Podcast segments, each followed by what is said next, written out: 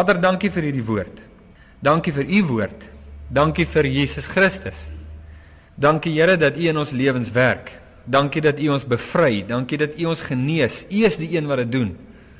Selfs al draai ons onsself so vas in onsself of in ons kerk of in ons werk of in ons familie of in ons finansies of in die wêreld of in dit wat die koerante sê of dit wat die televisie sê of dit wat die radio sê of dit wat die filosofie en die filosowe van ons tyd sê dat ons later nie meer weet hoe kan ons uit nie. Is daar ooit pad kans 'n deur 'n weg vir ons uit hierdie situasie uit nie? Weet ons daar is een wat my verlos daar is een wat my waarlik vry maak ook van myself waarskynlik die grootste bevryding wat daar bestaan naas die bevryding van sonde is u bevry my van myself u maak my los van myself. U lig my uit daar waar u staan. U plaas my voor u om u te kan aanbid in vryheid sonder dat ek hoef skaam te wees sonder dat ek hoef skuldig te wees sonder geraamtes in die kas. U reinig my deur en deur. Dis ons begeerte ook dat u vanaand terwyl ons so praat oor hierdie woord en u plan dat u gees ons sal reinig sal genees en sal bevry. Maak u waarheid aan ons bekend Vader. Jesus het gesê ons sal die waarheid ken en die waarheid sal ons vrymaak. Mag dit ook so tydens hierdie diens wees in Jesus se naam. Dankie Here. Amen. Ons gaan so 'n bietjie rondblaai in die skrif. Die eerste skrifgedeelte wat ons gaan na kyk is uh, Genesis 1 en ons lees die laaste of die twee laaste hoofstukke van Genesis 1. Vers 30 sê: "Maar aan al die diere van die aarde en al die voëls van die hemel en al die kruipende diere op die aarde waarin 'n lewende siel is, gee ek al die groen plante as voedsel." En dit was so. En toe sien God alles wat hy gemaak het en dit was baie goed. Dit was aand, dit was môre en dit was die 6de dag. Ons sien hoe God die hele wêreld skape, alles voorberei, die diere als en hy skaap hulle net nie, hy gee vir hulle wat hulle nodig het. Hy voorsien vir hulle. God plaas hulle in posisie en hy gee vir hulle alles wat hulle nodig het en dan staan God terug en dan sê hy dis wonderlik, dit lyk pragtig, dit lyk vol heerlikheid, né? Dan kry ons hoofstuk 2 van dieselfde boek. En daar gebeur 'n paar interessante dinge in hoofstuk 2 waarvan die die toppunt is natuurlik die skepping van die mens, die skepping van Adam en van Eva, die man en die vrou. In die laaste twee versies van hoofstuk 2 staan hierdie woorde: Daarom sal die man sy vader en moeder verlaat en sy vrou aankleef en hulle sal een vlees wees. En hulle was albei naak, die mens en sy vrou, maar hulle het hulle nie geskaam nie. En in vers 23 sê toe sê die mens: Dit is nou eindelik been van my gebeente en vlees van my vlees, hy sal manin genoem word want sy is uit die man geneem. En weer eens God plaas die man daar, hy plaas die vrou daar en hy plaas hulle vir mekaar daar. En uh, vers 24 is 'n versie waaroor 'n mens seker nog baie lank kan praat en sê die man sal sy vader en sy moeder verlaat en sy vrou aankleef en hulle twee sal een vlees wees. En God sien hulle en sê dat dit baie mooi is. Hulle is wonderlik. God skaam hom nie vir hulle nie. Hy plaas hulle daar. Hy het 'n plan vir hulle lewens. Daar's die man. God het hom uitgedink. Die man is nie iets wat ontstaan het skielik een oggend. Toe staan is daar 'n wese, naamlik die man nie. God het hom gemaak. Hy het hom beplan. Hy het in God se hart gegroei. Die manlike wese is iets wat in God se hart gegroei het. Die dag toe God uit die modder van die aarde 'n pop maak, toe maak hy die man soos wat die man is met alles wat die man het, manlik aan hom kom uit God se hart. God het hom gemaak. Toe blaas God sy asem in hierdie pop en hy word lewend en word 'n manlike en God maak uit sy sy maak hy die vrou en hy maak 'n vroulike. Beplan haar presies. Daar's nie een deel van die vrou of een deel van die man wat per ongeluk ontstaan het nie. Daar's nie een deel van die man, nie een deel van die vrou wat die Satan geskep het nie. Alles kom uit God se hand uit, uit sy hart uit. Hy het dit so beplan. Dit was deel van sy skepping.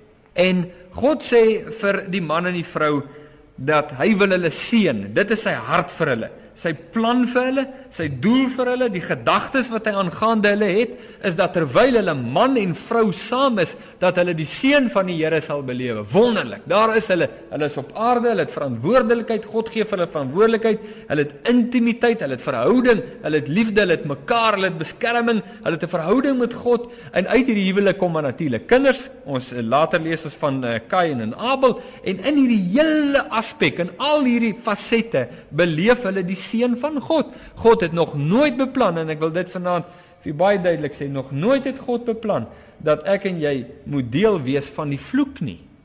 God se plan vir ek en jou was tog altyd die seën, seëninge, absolute seëninge, sodat ons ons kan verlustig in die Here. En elders in hoofstuk 2 staan dit dan ook baie duidelik dat God sê hy seën hulle. Hy seën hulle, hy spreek sy naam oor hulle uit en hy seën hulle.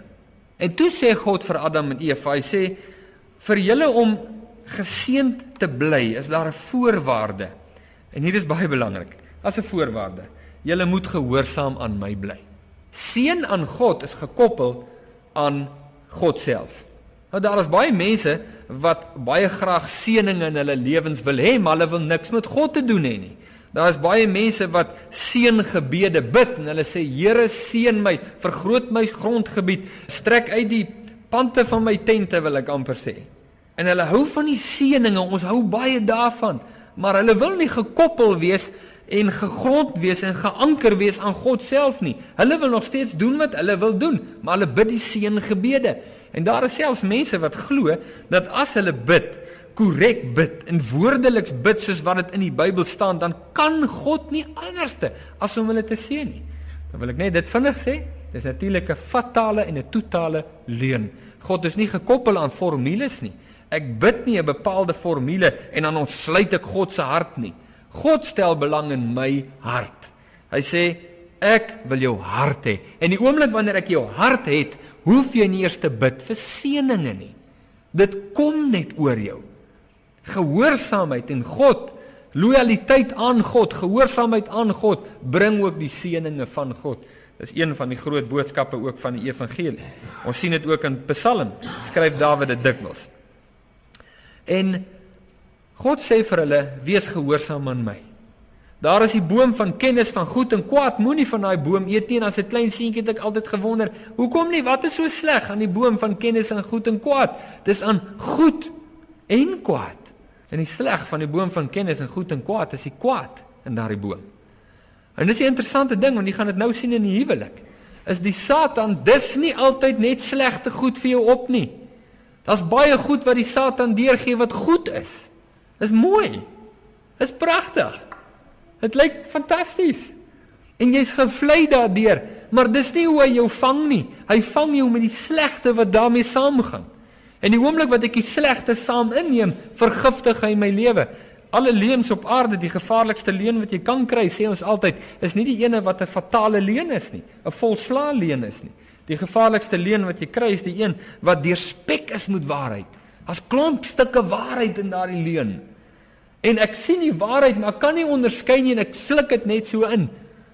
En ek word vergiftig. En een van daardie leuns wat huwelike vergiftig, ook in ons land, as ek nou maar net kyk na ons ou dorpie. Ons dorp het op hierdie oomblik as my feite reg is, het ons in die 50 hangende egskeidingssake. En dit is 'n klein dorpie, dis 'n plattelandse dorpie. Meer as 50 huwelike op hierdie oomblik wat besluit het dat hulle nie aan 'n groter vloek kan dink vir hierdie man en hierdie vrou is om saam te wees nie. As nie 'n groter vloek nie, hulle kan nie aan 'n groter hartseer dink nie. Hulle kan nie aan meer ellende dink as om met mekaar te wees nie. Die wonderlikste uitweg, al is dit hoe swaar al gaan hulle hoe finansiële verlies ly, is om te skei en nie meer by mekaar te wees nie. En ons verstaan baie duidelik, maar dit was definitief nie God se plan nie. Dit was definitief nie deel van God nie, want God het seëninge in gedagte. Maar daar is 'n klomp dinge wat hierdie man en hierdie vrou en hierdie huwelik ingekry het, goeie dinge ook. En ons laat ons vlei deur die goeie dinge. Maar as die slegte wat daarmee saamkom is daai boom van die kennis van goed en kwaad wat my absolute lewe vergiftig. En Adam en Eva kom op die plek waar hulle God ongehoorsaam is en hulle luister vir die vleitaal van die Satan en sonde kom hulle lewe binne, stroom hulle lewe binne.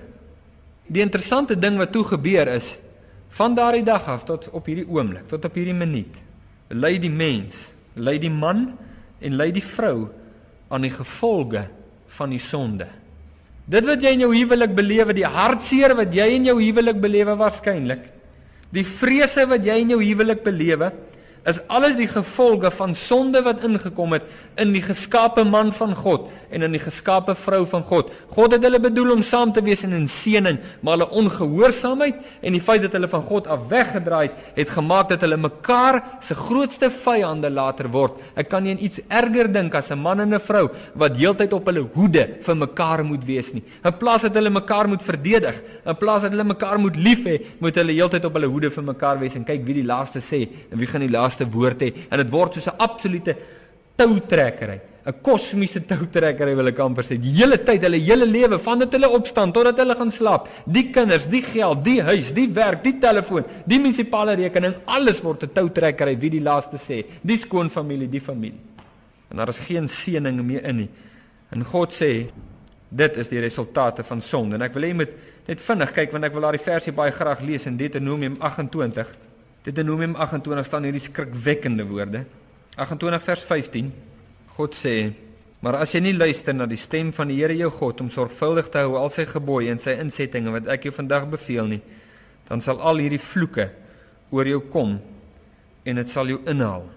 En hy begin die vloeke te lys. Nou jy hoef dit nie te lees nie. Kyk 'n bietjie af. Daar gaan ons by vers 30 sakke af na vers 54 toe. Die hoofstuk eindig in vers 68. Vers 68 begin by vers 15 en God sê hierdie vloeke sal oor jou kom, verstaan jy dit nie man? Verstaan jy dit nie vrou? Verstaan jy nie dat as jy ge nie gekoppel is aan God nie, as jy nie luister wat hy sê, gehoorsaam is wat hy sê nie, dan haal die vloeke jou in. Al bid jy vir die seëninge, al is jy in die kerk, al is jy in die Bybelstudie, as jy Bybelstudiegroepe en die huisgroepe en al lees jy jou Bybel privaat by die huis al doen jy wat as jy nie gekoppel is aan God nie dan is jy 'n magneet vir die vloeke wat kom. En dis presies wat gebeur in Genesis 3 vers 16 sê God vir Adam en Eva omdat hulle ongehoorsaam was. Hy kyk na hierdie man, hierdie man wat hy geskaap het, hierdie eervolle, trotse wese. Hier staan hy. Absolute heerlikheid, beeld van God se heerlikheid, geskape na sy beeld. Hier staan die vrou, die kroon van die skepping. Toe God die vrou gemaak het, toe sê hy, dis baie goed. Baie goed hoe hulle albei daar staan. Dis wonderlik. Hulle is die eer, die heerlikheid van God op aarde. En God staan terug en hy sê vir hulle nadat hulle ongehoorsaam is, hy sê en die volgende vloeke gaan oor jou kom. En hier kom die hartseer nuus en dis hoekom ons die evangelie nodig het. Ons het goeie nuus nodig na hierdie hartseer nuus. Want die sonde wat ingekom het weens die mense ongehoorsaamheid lok goeie nuus. Ons het goeie nuus nodig en die goeie nuus is nie iets wat u en ek kan uitdink nie.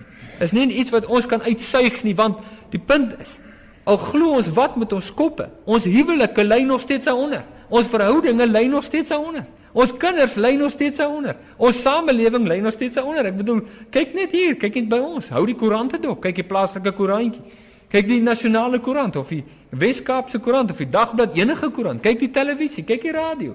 En dan besef jy ons mense ly. Al gee dit ons watter verslag wat ons aan die Verenigde Volke stuur of aan watter nasie wêreldbeheerliggaam en sê kyk hoe goed gaan dit in Suid-Afrika. Verstaan ons inherent in ons harte wanneer ons in ons huise is en in ons sitkamers en in ons slaapkamers dat ons mense ly. Ons volk ly. Die wêreld ly. Al smik jy hom hoe op, al lyk dit hoe fantasties pragtig, hy's hartseer. Hy's akelige hartseer mense se harte en lewens skeur. En God sê vir Adam en Eva in vers 16 hierdie woorde. Hy spreek die vrou aan in vers 16. Hy sê aan die vrou het hy gesê: Ek sal grootliks vermeerder jou moeite in jou swangerskap. Met smart sal jy kinders baar. En hierdie woorde. Na jou man sal jou begeerte wees en hy sal oor jou heers. Na jou man sal jou begeerte wees en hy sal oor jou heers. Wat ons miskien nie regtig besef nie is toe God Adam gemaak het, het God hom geseën met iets wonderliks. Hy het hom geseën met autoriteit. God het vir Adam autoriteit gegee. Adam het die diere name gegee. Hy het die voëls name gegee. Hy het die plante name gegee. Hy het geheers oor sy area. Hy het geheers oor daardie gedeelte. Hy was die koning daar op aarde. Hy het die autoriteit gehad. Adam die man.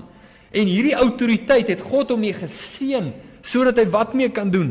sodat hy sy vrou daarmee kan seën, sodat hy die natuur van God daarmee kan dien. Hoe dien Adam sy vrou met die autoriteit wat God hom gegee het? Wel, die maklikste manier is om te sê hy beskerm sy vrou. Hy vertroetel sy vrou met daardie autoriteit van God. Hy hou die Satan weg met daardie autoriteit. Weg van wie? Weg van sy vrou af. Hy beskerm haar. Ons moet eers die Nuwe Testament lees om dit te kan verstaan. Maar dis al wat hy doen nie. Hy voorsien vir sy vrou. Voorsien hoe wat? Haar sakgeld. Nee man, 'n vrou het baie meer as dit nodig. En ons kom agter ons mans weet nie meer waarvoor moet hulle voorsien nie. Hy's baie van ons mans wat dink dat hulle doen genoeg omdat hulle geld op die tafel neersit of kos op die tafel en geld in die bank, maar hulle vrouens is nog steeds arm en verarm in hulle harte. Hoekom? Dat dit wat God bedoel het hulle moet hê, die voorsiening wat die man moet gee deur sy autoriteit, is nie daar nie. Is nie meer daar nie. Maar vir die vrou het God geseën met iets wonderliks ook. Want wanneer God seën, is dit altyd wonderlik. Hy seën die vrou met invloed. Seën haar met 'n dubbele dosis van invloed. En hierdie vrou se taak was om haar man te seën met die invloed wat God haar gegee het. Geen man, veral nie wat hier is nie. En geen man wat na hierdie boodskap luister sal twyfel dat 'n vrou nie aan saglike invloed beskik nie. En dis invloed wat God haar gegee het. En hoe seën die vrou haar man moet invloed? Wel, die eerste ding wat sy natuurlik doen is sy seën haar man deur hom deurgaans na God toe te beïnvloed. Deurgaans.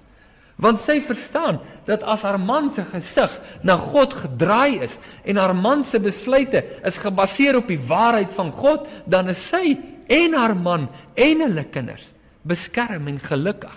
Sy beïnvloed hom deurgaans. En die invloed wat sy vir hom gee, is heeltyd die waarheid van God, die lieflikhede van die Vader, gee sy deur. En hierdie twee mense saam, hierdie Adam met sy autoriteit en Eva met haar invloed, werk as 'n onwrikbare span. Jy kan dit nie glo nie. Daar is nie 'n stryery oor wie se belangrikste nie. Is die man die belangrikste van hy die autoriteit of die vrou met die invloed nie? So slim was God. En wanneer al twee saam werk, soos wat God hulle gemaak het, is dit net heerlikheid. Daai kindertjies word groot in daai huwelik en hulle hulle is gesonde mense. Hulle karakters en hulle persoonlikhede is gesond. Daar agter sit twee onderwysers. Vra bietjie vir hulle hoe lyk hulle kinders? Hoe lyk ons kinders in ons skole deesdae? Het ons gesonde kinders? En ek praat nie nou van kinkoes of TB nie, praat nie daarvan nie. Ek praat van persoonlikhede en karakter en hulle sal vir julle vertel dat ons kinders is 'n repe geskeur. Ons kinders se siele word uitverkoop. Ons kinders ly. Hoe dit gebeur? Want God het dit nie so bedoel nie. God het dit nie so gemaak nie. En God sê hierdie volgende vloek, die gevolg van ongehoorsaamheid, sê Deuteronomium 28 is 'n vloek wat oorkom. En God spreek hierdie vloek oor Adam en Eva uit. Dis nie 'n wonderlike ding wat God hier sê nie. Dis 'n hartseer storie in Genesis 3 vers 16.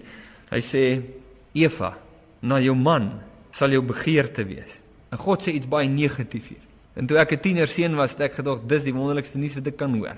Is dat my vrou se begeerte na my gaan wees. Maar dis nie wat God hier sê nie. God sê iets negatief. Dis 'n vloek wat hy uitspreek. Hy sê en hy, die man, sal oor jou heers.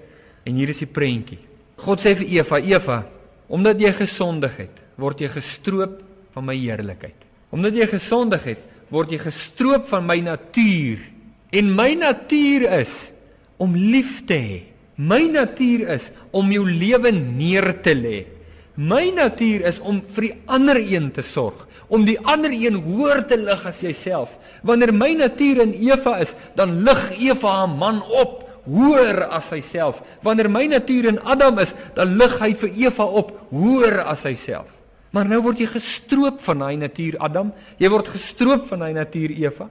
En die hartseer wat inkom is die gawes wat jy gekry het van God, gebruik jy nie meer om te dien nie. Die gawes wat jy gekry het van God, gebruik jy vir jouself. Die gawes wat jy nou gekry het, gebruik jy om jouself te voed en vir selfsugtige redes. Gebruik jy soos wat die jou nuwe vader, nie meer God die Vader nie, maar Satan as vader vir jou voorskryf, want die begeertes van jou vader wil jy doen, sê Jesus in Johannes 8 vers 44. En van daardie oomblik af kry ons vrouens met invloed in hulle lewens wat God hulle gegee het, maar wat hulle nie meer gebruik om te seën nie, wat hulle nie meer gebruik vir die doel wat God dit daar gestel het nie, maar met selfsugtige redes begin hulle hulle mans te begeer. En ek het baie gewonder, Here, maar wat is hierdie? Wat is dit? Wat begeer die vrou van die man wat dan negatief is? Wat begeer sy? En ek sal u sê, ek sit in konsultasie met huweliksberading hoeveel keer oor jare nou al in verskeie lande en ek besef toe baie duidelik wat gebeur. Ek sien dit in my eie huwelik. Dis hoekom ek ook Jesus nodig het. Dis hoekom ons Jesus nodig het. As wanneer die vrou selfsugtig raak, die binne hart, dan soek sy, sy begeer, sy smag na die autoriteit wat God die man gegee het. Ek sê dit nie, God sê dit. Aan die een kant smag sy die koestering van 'n man. Aan die een kant smag sy die beskerming van 'n man. Aan die ander kant smag sy dit wat sy nie het nie, wat sy graag wil hê. Aan die ander kant smag sy die autoriteit van haar man en gebruik sy haar invloed om dit wel te kry. Sy kan dit kry. Daar is hoeveel verhoudinge wat nou na hierdie boodskap luister wat dit presies die geval is. Die man het die autoriteit en die vrou gebruik haar invloed so kunstig om die man se autoriteit in die hande te kry. En weet jy wat? Sy kan haar nie verhelp nie. Die vrou kan haar nie verhelp nie. Sy moet dit doen. Hoekom? Want dit is die natuur wat in haar is. Dis die Satan se natuur wat binne in haar is, wat gebruik en wat voortstoom om te manipuleer tot sy gekry het wat sy gekry het. En sy sal nie ophou tot op daardie oomblik nie. En hier begin die geveg en God draai na Adam toe en hy sê Adam, maar dis nie al nie. Nie net gaan sy na jou toe draai negatief nie, maar jy gaan na haar toe draai negatief. Jy gaan die autoriteit wat ek jou gegee het, gaan jy gebruik. Nie om jou vrou lief te hê nie, nie om haar te beskerm nie, maar oor haar te heers met 'n eysterhand. Jy gaan jou autoriteit gebruik om snaakse grappies van jou vrou te maak wanneer jy om die braaivleisvuur sit. Jy gaan jou autoriteit gebruik wanneer jou vrou smag na beskerming en na liefde, gaan jy jou rug op haar draai want dit is nie nou vir jou geleen nie. Dit pas nie nou vir jou nie. En jy gaan jou rug op haar draai en jy gaan jou eie weg gaan en daar gaan sy by die huis sit en verkrimp en krepeer. En dan gaan sy smag na die liefde van 'n man wat sy eers leer ken het. Hoe begin die meeste van die affairs in Suid-Afrika van die wêreld? Dis die emosionele voorsiening wat die vrou by haar man moes kry, kry sy nie meer nie want hy dink net aan homself. Hy gebruik sy autoriteit net vir homself. Hy dink nie aan sy kinders nie, hy dink nie aan sy vrou nie, hy dink net aan homself. Selfs al sê hy dink aan hulle, hy dink nie aan hulle nie. Hy kan homself nie help nie. Dis die natuur van die Satan wat in hom is. En dan sit nie lank nie dan kry daai vrou die oor, die simpatieke oor van 'n ander man by die werk of ergens 'n buurman. En voor jy kan kry, is hulle harte aan mekaar. En daar begin 'n affair en dis hoe dit gebeur. En God sê sien hoe skeur die Satan julle uitmekaar uit en dis waar julle is. Dis waaraan julle onderhewig is aan hierdie vloek van die sonde. Vrou, jy sal selfsugtig bly. Jy sal manipulerend bly. Jy sal selfs ondermynend wees tot jy gekry het wat jy kry. En dan is daar 'n grappie wat sê En as jy gekry het wat jy kry, dan is jy skielik nie tevrede met wat jy het nie. Want nooit het die Satan vir jou enige vervulling in gedagte nie. En die man sal sal strewe en smag om sy vrou te oorheers, absolute oorheers en dan gaan hy dit reg kry die dag. En as hy nie tevrede met wat hy gekry het nie, want dan het hy 'n stikkende lewe veroorsaak. Want die Satan het nie vir jou vervulling in gedagte nie. En dan wanneer jy saam met my bly, nou is ons vinnig kan gaan daarna Efesiërs, Efesiërs hoofstuk 5. En nou oor die eeue heen kom mans en hulle trou, vrouens trou. Hulle word in die eg verbind net soos wat God dit beplan het. Daar is kinders net soos wat God dit beplan het. Hulle beleef ook die goeie. Dis nie net dat hulle heeltyd net die slegte beleef nie. Hulle beleef ook die goeie. Is wonderlik, dis waarvan ons hierdie flieks kry, fantastiese romanse en jy voel so goed as jy die fliek klaar gekyk en hulle besef daar is goeie. Ons beleef dit. Maar die slegte wat ons beleef is so sleg dat dit skeur ons lewens uitmekaar. Die sleg wat ons beleef is so erg dat ons later nie meer die goeie kan smaak nie. Daar's niks meer nie, want ons eet nog steeds van die boom van die kennis van goed en kwaad in ons huwelik. Nog steeds is ons van God af weggeskeur. Nog steeds dink ons ons kan ons eie God wees. Nog steeds dink ons ons het self antwoorde vir ons huwelike. Kyk hoe lyk ons antwoorde. Kyk hoe lei ons kinders. En nou kom God en hy sê: "Vrede op aarde. 'n Geveg tussen die man en die vrou in die huwelik. Aklig en God kom en hy sê vrede op aarde. Man, Adam, ek het 'n welbehae in jou. Eva, ek het 'n welbehae in jou. In die mense welbehae. En God kondig sy verlosser aan, Jesus Christus. En God kom na die mense toe en hy kom na die man en die vrou toe en sê ek sien julle lyding. Ek sien hoe lyk dit? Ek sien hoe versmag die vrou. Ek sien hoe versmag die man. Ek sien hoe probeer julle kulturele antwoorde kry. Ek hoor die belaglike goed wat mense kwytraak. En sê ja, maar ons kultuur werk dit so. Ek wil nou een ding vir jou vertel. Daar's net een ding wat werk en dit is die waarheid van God, nie jou kultuur nie. Kom weg van God kultuur af en kom na die God wat op die troon sit. Anders is daar nooit 'n antwoord vir jou nie. Daar's nooit heerlikheid en genesing nie. En die Vader sê daar is my geliefde seun, daar sy. Luister na hom, in hom het ek 'n welbehae. En dis die antwoord vir die man, die enigste antwoord dat die man kan loskom van die vloek waaronder hy rus om sy autoriteit te gebruik om sy vrou te oordonder en te oorheers met 'n eystervuis sonder om haar lief te hê en om sy autoriteit te gebruik om homself te behaag en sy eie behoeftes te vervul. Die vloek wat oor die vrou heers wat maak dit sy haar invloed gebruik om haar man na haarself toe te beïnvloed in plaas van na God toe wat sy autoriteit of haar invloed gebruik om die man se autoriteit te probeer in die hande kry en die baas in die huis te probeer wees nie leiersels in die hande te probeer kry. Sê God jy kan jouself nie losmaak nie. Die enigste een wat jou kan losmaak is Jesus Christus sodat jy weer die vrou kan wees dat jy weer die man kan wees wat God bedoel het jy moet wees. En ek nou vir julle sê die Suid-Afrikaanse kultuur die Afrikaanse kultuur is nie die antwoord vir die mense nie. Die Amerikaanse kultuur is nie die antwoord vir die mensdom nie Die Engelse kultuur of die Joodse kultuur is nie die antwoord vir die mensdom nie. As jy enigstens sulke gedagtes ergens in jou hart het, dan wil ek vir jou sê jy is onder 'n leuen. Die enigste kultuur wat werk is Jesus se. Jesus se kultuur is die antwoord. En nou sê Paulus, skryf hy in Efesiërs 5 hierdie woorde. Onwillekeurig dink ek nou aan Johannes se woorde in Openbaring wat sê hy wat 'n oor het om te hoor, laat hom hoor. Salig is hy wat hierdie woorde hoor. Salig is hy wat hierdie woorde inneem en verstaan hulle toepas. Nou sê Paulus in Efesiërs 5:22, hy sê vroue, wees aan julle eie mans onderdanig Paulus sê, weet jy, ek verstaan dit, dit is nie moontlik vir 'n vrou nie. Dis die vloekwoord van ons eeu om vir 'n vrou te sê jy moet onderdanig wees. Dis die vloekwoord. Hoekom is dit die vloekwoord? Want vir soveel lank is onderdanigheid, het die man die woord onderdanigheid gebruik om die vrou te oordonder en die vrou te oorheers en die vrou te vertrap. Gebruik hy die woorde in die skrif wat hom pas sonder dat hy besef wat God praat ook met hom. En nou sê die vrou, dis die laaste ding wat ek gaan doen is Ek is gelyk met die man en dien nie beter nie. En God sê jy verstaan my skepping glad nie. Ek wil jou vrymaak in Jesus Christus. Ek wil jou huwelik 'n eerbare, vreugdevolle, heerlike huwelik maak. En die eerste ding wat hy sê is vroue, wees aan julle eie mans onderdanig soos aan die Here. En dit is net hier waar die manne hande klap en sê haleluja broer, preek hierdie woord. Sê maar pas op. Want as jy daai woorde sê wat jy nou net gesê het en jy sê dit met 'n selfsugtige hart en jy sê dit nog onder die vloek van die sonde van Genesis 3, is daar nie 'n manier. Tal is die vrou onderdanig aan jou, is daar nie 'n manier hoe jy aan haar die heerlikheid van God kan bedien nie. Want jou hele wêreldjie draai om meester jy. Vers 23.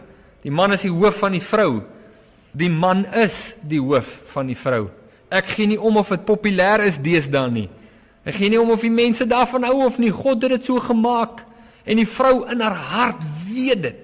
Sy weet dit dat haar verlossing, haar heerlikheid lê wel daarin dat die man haar hoof is en haar beskerm soos God dit beplan het. Die man is die hoof van die vrou soos Christus ook die hoof is van die gemeente en hy is die verlosser van die liggaam. Maar soos die gemeente aan Christus onderdanig is, so moet die vroue ook in alles aan hulle eie mans onderdanig wees. Dis aklig, nê? Sal ons nie hierdie gedeelte uitskeer en weggooi nie. Nee, ons sal nie. Weet jy wat? Al wat hier gebeur is. Paulus preek die vloek van die vrou aan. Dis al. Hy sê vrou, verstaan jy? Verstaan jy dat net in Jesus Christus kan jy van jou selfsugtige gebruik van jou invloed loskeur, kan hy jou losmaak? Want dis nie al nie. In vers 25 sê Paulus vir die man, hy sê man, verstaan jy nie Adam? Dat net in Christus Jesus kan jy van jou selfsugtige selfliefde losskeer om jou vrou te dien met die autoriteit wat God jou gegee het. Hierdie woord is die fondasie, die fondament vir enige huweliksberading wat hieruit kan voortvloei. Ons kan allerlei snaakse dinge sê in huweliksberading, ons kan allerlei formules probeer, ons kan allerlei teorieë kwytraak, maar ek wil net vir sê net die waarheid van God kan my vry maak. Net die waarheid van God kan my vrou bedien met dit wat 'n hart na smag, soos God haar gemaak het. Net die waarheid kan my bedien wanneer my hart smag soos God my gemaak het. En God sê: "Staak jou nonsens. Staak jou vleeslikheid. Jy sit in die gemeente van God, jy sit in die kerk en as dit waar is dat jy gekoppel is aan Christus, dan moet die seëninge van God jou agtervolg, sê die skrif. En waar gaan ek dit sien? Waar gaan ek dit sien dat God my seën in my beursie? Haha. Dis misleidend. Almal van ons wil dit in ons beursie sien. Ons hou van so God. God, die bankbestuurder. Ons hou van so God. God sê nee. Eerste plek waar jy dit gaan sien is in jou familie, in jou huisgesin.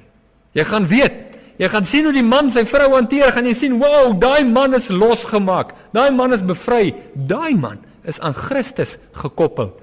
Hoe? Want hy ken die Bybel nee, want hy's 'n dominee nee, prys die Here. Hy's 'n pastoor, hy preek nee aan die liefde wat julle vir mekaar het. Aan hoe die man sy autoriteit gebruik om sy vrou te dien, sy lewe vir haar neer te lê en haar liefde en te beskerm. Hoe gaan ek sien dat die vrou is waarlik aan Christus gekoppel? Toe ek klein was, het ons altyd gespot en ons het gesê dat hierdie tannies met die hoedens op wat in die kerk sit, is altyd jou kwaaiste tannies wat jy kan kry. Die hoed is blykbaar 'n teken van onderdanigheid, maar dit is gewoonlik die tannies wat die minste onderdanig is aan hulle mans. Dis die tannies wat die man hier onder die blad vashet.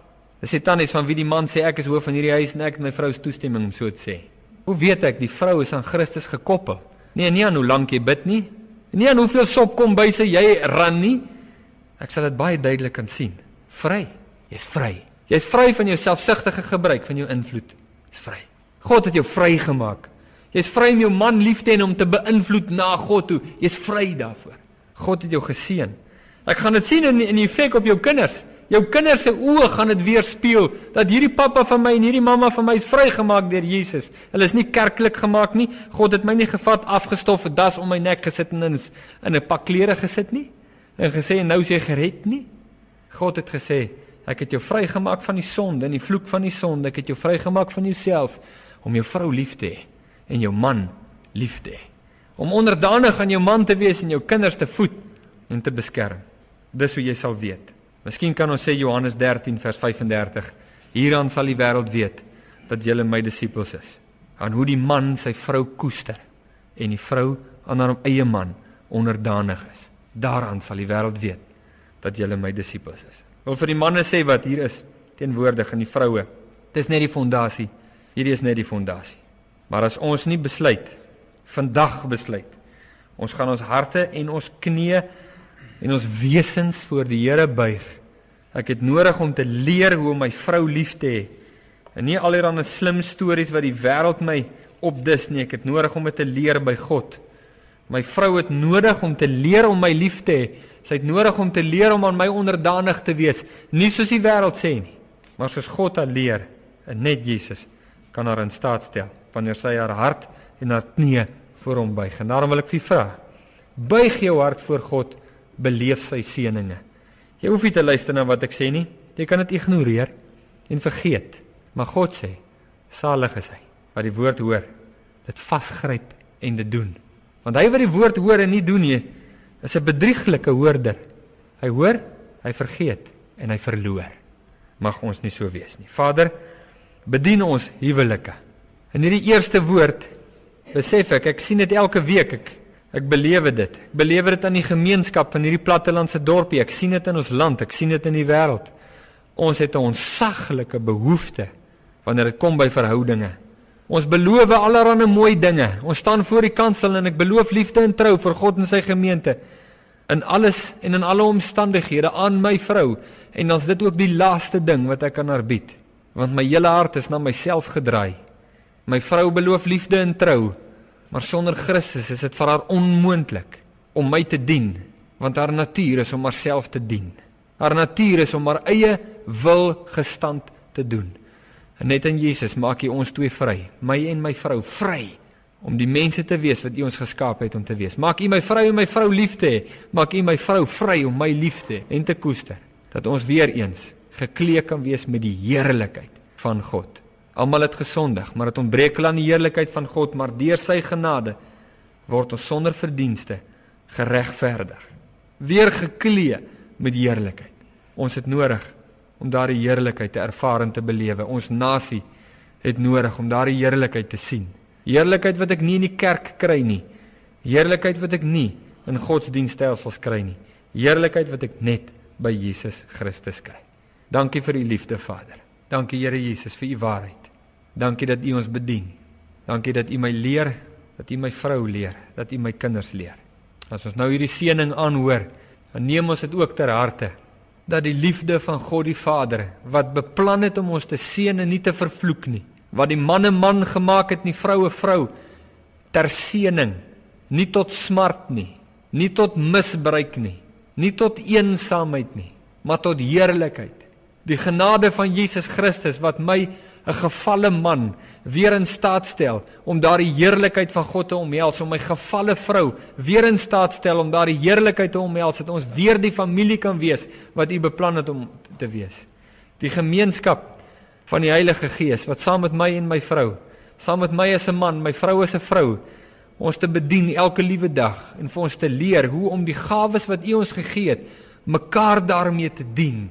Nie vir ons eie verheerliking nie, nie vir ons eie besadiging en versadiging nie, om maar om mekaar tot diens en tot seëning te wees, tot verheerliking van U naam dat die wêreld kan sien waarlik hier's 'n man en 'n vrou wat los is. Hulle is nie meer deel van die loop van hierdie wêreld nie. Dankie Heilige Gees dat U ons hierdie dinge prakties leer.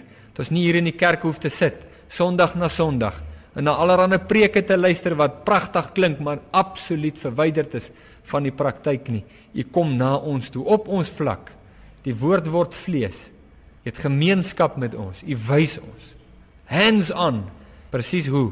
Hoe om ons vrouens lief te hê, hoe om ons mans lief te hê, hoe om ons kinders te koester en lief te hê. Ons aanbid U daarvoor. Dankie Here. Dankie Vader. Dankie vir die waarheid en vir U seëning in Jesus se naam. Amen.